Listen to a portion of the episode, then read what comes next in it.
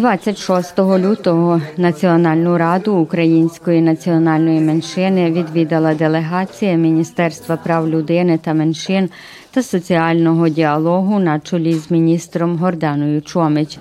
У складі делегації були і державні секретарі Олена Папуга і Нінослав Йованович, помічник міністра Івана Антич і керівник кабінету міністра Олександра Рашкович.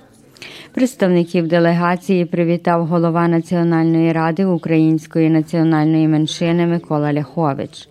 Міністр Гордана Чоміч на зустрічі зазначила, що роль міністерства полягатиме у забезпеченні присутності телевізійних програм меншин на суспільному телебаченні РТС, особливо у період до перепису населення. Вона наголосила на важливості результатів перепису для подальшого впровадження політики щодо національних меншин. Мова йшла і про другі важливі теми. Budući popis stanovništva u Srbiji važno je da bude demokratski, otvoren, da ljudi u Srbiji razumeju koliko je važno da pristupe popisu, da bi se znalo koliko nas ima i da bi razumeli koliko je dobro što svi mi koji smo tu da nas ima smo mnogo različiti i Srbi, i Ukrajinci, i Mađari, i Slovaci, i Rusini, i svi ostali koji zajedno žive, ali da se vidi u popisu da smo tu mešanih kultura, mešanog etničkog sastava, ali rešeni da živimo zajedno. Druga e, tema je predstavljanje e, tradicije, kulture, istorije manjina i na radioteleviziji Srbije, ne samo na radioteleviziji Vojvodine, koja većim delom već radi taj posao, pošto je potrebno da i većina u Srbiji razume e, kolika je, e, koliki blagoslov e, imati šarolik život i koliki, koliko je dobro mešati kulture, religije, etnička porekla, jezike, sve to što nas čini bogatijim nego jedno etnička ili čisto etnička društva. Govorili smo i o strategiji obrazovanja, za, dve, za sledećih 10 godina, želeći da sve nacionalne manjine imaju vrlo značajan uticaj na to kako će izgledati obrazovanje manjina, kako ćemo učiti jezik društvene sredine, kako ćemo poštovati službenu upotrebu jezika i pisma i kako ćemo se učeći jezik jedni od drugih mnogo bolje razumeti. Ukrajinci su uvek bili saveznici, delimo jednu značajnu i bogatu zajedničku istoriju Srba i Ukrajinaca i očekujem da i oni tome daju svoj doprinos. Голова Національної ради української національної меншини Микола Ляхович представив українську спільноту в Сербії та цілі національні ради. Він також говорив про майбутній перепис населення у Сербії, а також про важливість цивільного вираження приналежності. Особливий акцент був зроблений на освіті, і було сказано, що в даний час близько 120 учнів вивчають українську мову з елементами національної культури у школах у Сербії. Але насамперед, перед зустрічю, голова Української національної ради сказав: Тема розмови буде і праця національної ради. Так само будемо говорити про попис громадян, як Національна рада, як меншина може взяти участь у тій popisu i riz, питання про проблеми чи якісь сугестії від Національної ради. А я думаю, і вони будуть нас пізнати з їх працю, як на який спосіб вони допомагають національним меншинам, так само і українським меншинам. Саме те, що міністерка Чоміч разом želju, щоб прийшла до Національної ради, Думаємо, що і співпраця буде ліпша. Що і подякувати. Я думаю, що то перший раз, що нам таке міністр приходить в наше приміщення. Воно невелике, може не але найбачить, де ми працюємо. Будемо говорити про, про, приміщення і як Національна рада, як рідних слова, так само і наших наших товариства, які працюють, може спільнути проблеми в школі, у Індії, в Ербасі і ще другі, другі питання. На зустрічі були присутні голова виконавчої ради Наташа Петрович, секретар Національної ради Далибор П'якний, голова відділу з питань інформування Філіп Проник і голова відділу з питань культури Славко Микитишин. Всі знаємо, які проблеми з тим вірусом, короном, е, що дотикає культури. Що йде на то, да се роблять е, фестивали, значить наш фестиваль найбільший калина, це е, діточі, веселка і всі ті другі маніфестації, які ми запланували, всі хочуть публіку. А знаємо, які тепер, які влада принесла мери, що не можна пустити більше п'ятеро людей в зал. І самим тим то не то. Як можемо пустити п'ять людей, як приходять товариства з всіх наших осередків, і то і хор, і фольклор, і, і не може ніяк бути п'ятеро людей, так саме з тим. Ми мусили то все відказати. Ви сподіваєтеся, що той рік буде ліпший в культурі? Я се сподіваю, але як ідуть справи і тепер, і як кризний штаб засідає, і, і вже за той вікенд кажуть якісь нові міри будуть чи то саме в Білгороду, чи у цілій Сербії, то будемо то будем чули сьогодні на телебаченню, а може і від пані міністерки. Так що ми плануємо. Наприкінці зустрічі делегація міністерства відвідала культурно-мистецьке товариство імені Івана Синюка, де їх привітав голова товариства Филип Проник.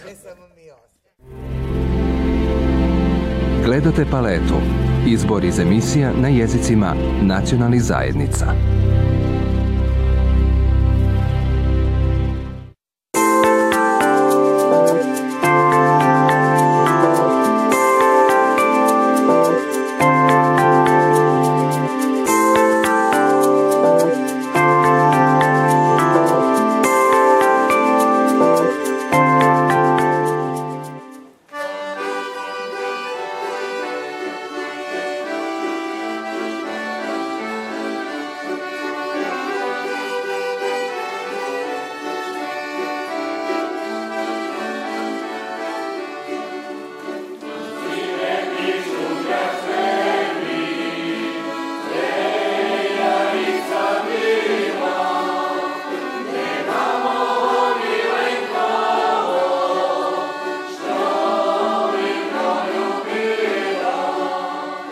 Суботу, 27 лютого, у Вербасі відбулося відзначення 30 років діяльності культурно-просвітнього товариства Карпати.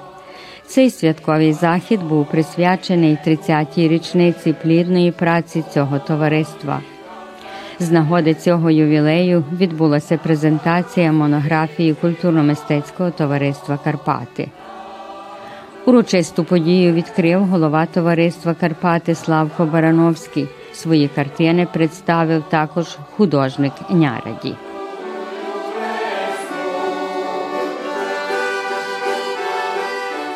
Тридцять років і багато і ні. Але хто тут 30 років, я вже 27, є котрі люди спочатку 30 років, то і багато. Бо треба стально працювати від початку до нинька день. Ми то мурували, робили. Купили smo хату, котра була само кров, нічого не було, дах. То друге smo все робили самі, стално smo брали участь. Кожного року так само беремо участь, і, знаючи, наші діти йдуть на веселку, ми йдемо, старші йдуть на калену. Ще тако, як деколи нас хтось закличе, ми йдемо. Так що Карпати все люблять десь піти, бо знаєте самі як, цілий рік всі вчать, щось і готує, туди люди люблять піти, познайомитися, видіти, чути, поговорити. То дуже файно. Торік було 10 років смотра хоровів. Так що то дуже, кажу, дуже велике. Ми мали, ми роздумували, щоб були і як буде смотра хорова, туди треба було прийти, де маємо гостей з, з Словаччини і з України і за 30 років, що треба було бути у 10 Mećuža da Kneška Duža Fajna, da Brate Vegile, tu autori Kutri Robele, oni si postarale, što bi vse obulo, je bahato ljudi Kutri prehodele, pomohale, davale i hroši, prehodele, robele, ja tu bu, jak da kažu, ajde, každi den, a jak prejde subota i njegira me na zaklečut, i ja tude, ja tude prejdu, і що да роблю? Пропав день, субота, неділя, так же, як да кажу, було доста роботи, але так і треба. Тут приходили і мої внуки, і мій син, і невістка, жінка бере участь,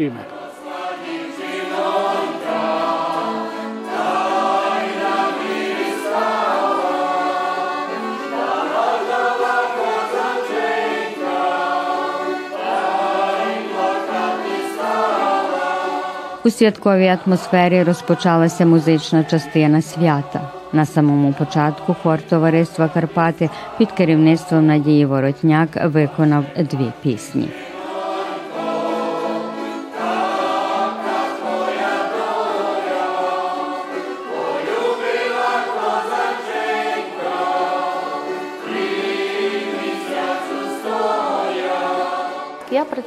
Товаристві Карпати вже з 2004 року. Отже, скоро сказати 17 років мого робочого стажу. Веду я хор, а також і співочу мішану групу. Хор ми завжди маємо в репертуарі, духовну музику. Це є твори з літургії, обробки українських народних пісень і русинських. А група завжди співає русинські і українські пісні. Е, З нагоди 30 років ми сьогодні виступимо лише з двома піснями: одна русинська пісня Дівче, дівче, біла ружа і українська народна пісня В кінці греблі шумлять верби. Е, Скажіть, будь ласка, за тих 17 років е, було напевно щось, що вам дуже запам'яталося. Були якісь змагання, були нагороди, були гарні події, де ви може кудись їхали виступати. Так, ми завжди приймали участь у фестивалі Калина. Приймали участь у фестивалі Калина у Боснії і Герцеговині, то є село Дев'ятина. Також ми приймали участь і у Львові на фестивалі. Тут вже їхала група наша співоча. І також приймаємо участь на фестивалі хорів, який е, організовує наше товариство Карпати. Після музичної частини відбулася презентація монографії культурно-мистецького товариства Карпати, на якій говорив автор Ярослав Компіль.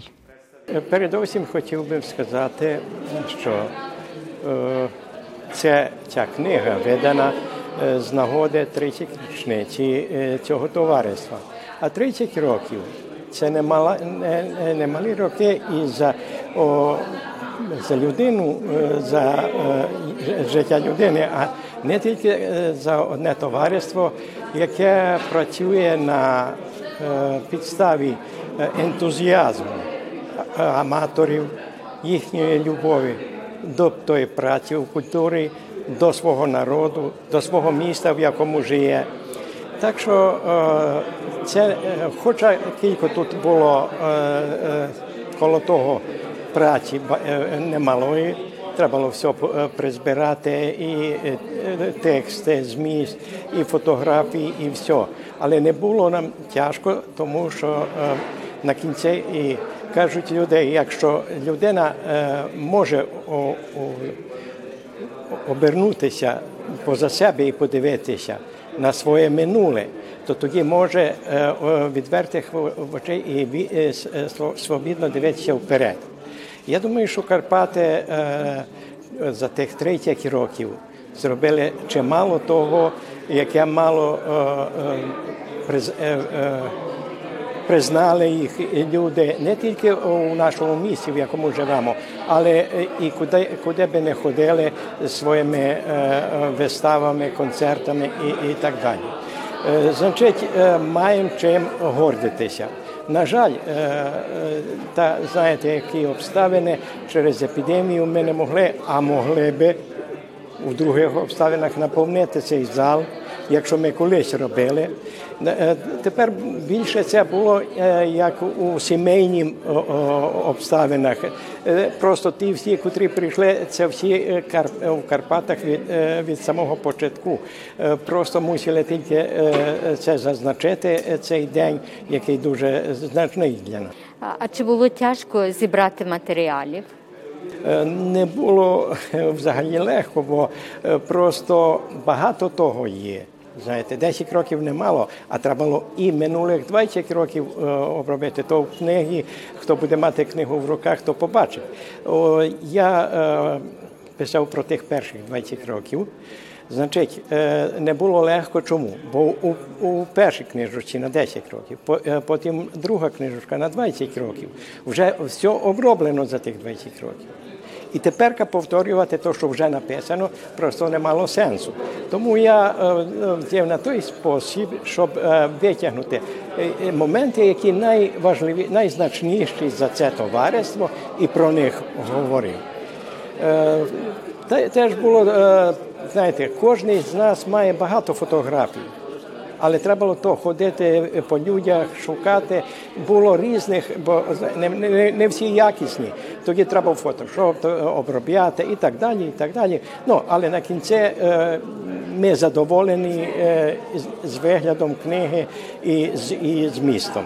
На презентації говорив і голова товариства Карпати в минулому мандаті Деян Загорянський. Prošle godine smo imali tu veliku čast da naše društvo napuni 30 godina kontinuiranog rada i postojanja, što je veliki uspeh za jedno društvo kako, kao kako kažem, manjinsko društvo koje funkcioniše, koje je uspelo da se profiliše, ne samo na lokalnoj sredini, nego i šire. Radimo Rusini i Ukrajinci zajedno, vrlo uspešno proteklih 30 godina. E, svoj rad pokazujemo kroz niz sekcija koje su se merile snagu i jačinu svojih, svog kvaliteta kulturnog e, rada na raznim smotrama, na manifestacijama, e, gde smo i pokazali da mi to možemo, da smo rame uz rame sa najboljima, tako da je za nas stvarno tri decenije uspešnog rada. Ove godine su teške, pogotovo, ja kažem, lako je bilo napraviti nešto, ali je jako teško to očuvati, e, negovati, razvijati, e, da bi evo danas imali ovakav jedan lepi rođendan, e, a kažem, za taj rođendan uspeli smo da skupimo snage, da sami napravimo svoju, ajde da kažem, tradicionalnu monografiju, s obzirom da smo svakih deset godina objavljivali monografiju našeg društva, ovo je sada treća po redu, tako da smo veoma, ja kažem, srećni i ponosni sa tom činjenicom da smo uspeli preko projektnog finansiranja i svih nedaća koje su nas zadesile protekli, evo ja kako kažem, deset godina kako ja aktivno radim u ovom društvu, da se izborimo i da se profilišemo i naravno evo da slavimo naš rođendan u ovom formatu kakvom je moguće to danas napraviti. Na prezentaciji prisutnjime bili gosti. Kulturno-prosvetno društvo Karpati je osnovano 90. 1990. godine, stvarno u vremenima kada su nam dolazile te godine ratova, inflacija i svega onoga što, što nam se desilo u tim, da kažem, ratnim godinama. E, članovi Karpata, mislim tu na sve sekcije, na sve ove ljude koji su i tu danas bili, kojih možda kojih više nema, su puno truda uložili da bi to društvo funkcionisalo u svim, svim da kažem, vremenima i, i sve ostale godine e, su bile na neki način i teške i, i, i možda lake za, za održavanje te dve kulture, rusinske i ukrajinske. E, meni je drago što Karpati, bez obzira na sve poteškoće, rade do dana današnjeg, s obzirom i na asimilaciju i na sve, još jednom ću reći sve što nas je snašlo u tih 30 godina, To je društvo koje e, ima bogatu tradiciju, rade zajedno, to je jedino kulturno-umetničko društvo, kulturno-prosvetno društvo na ovim prostorima, na prostoru pokrajine Vojvodine i Republike Srbije koje radi zajedno, e, što je, mislim, veliko bogatstvo jer se prepliću dve, dve kulture. E, drugo što mogu da naglasim i što mi je jako drago, što su E, članovi ovog kulturno-prosvetnog društva ne samo što su radili na svom očuvanju svojih identiteta, dva identiteta, ali su radili na tome da stvore sebi zajednički dom. Izgradili su ovu ove prostorije, ovaj stvarno dom у коме заjedno rade i koje godinama dobro održavaju. Цей вечір своїми спогадами поділилися ті, хто у цьому товаристві самих початків діяльності. Ja začela u tovaristvu jedan rik skoro після того, як основане товариство. І перше съм зачала співати у хору, а потім у дуету з колежанком Хеленом Сабадош. Ми співали і українські пісні, і русинські. З оглядом, що тоді не було співаків так, да співають українські пісні, ми більше співали українські пісні, аж потім русинські. Так що е, можу казати, е, 30 років, як вже основані Карпати, ми перейшли е, багато і тяжких часів. Не для того, що збудований дім цей, але для того, що були і війни, що були такі е, проблеми великі, i to smo пережили. Evo, z ogledom što teper kako korona vladaje, što u nas pohorile naše členi, jedna častena e, si izriktovala da to u troha zrobimo sve točnjiše, e, jak jednu malenku akademiju. Z ogledom živejšla kneha za 30 e, roki, odnosno 10 років у ній є написано kronološki, де щось збувало і що Карпати робили, що робили русини, що робили українці. З оглядом, да і одні, і другі е, разом працюють. Tu не було хіба й у, у, у секціях jedних відділені, але у хору нема ділена. Я си наздаваю, що і надалі буде так, і жадаю їм на многе блага літа. Я треті роки в Карпатах від початку. Перша моя роль була кореограф для дітей.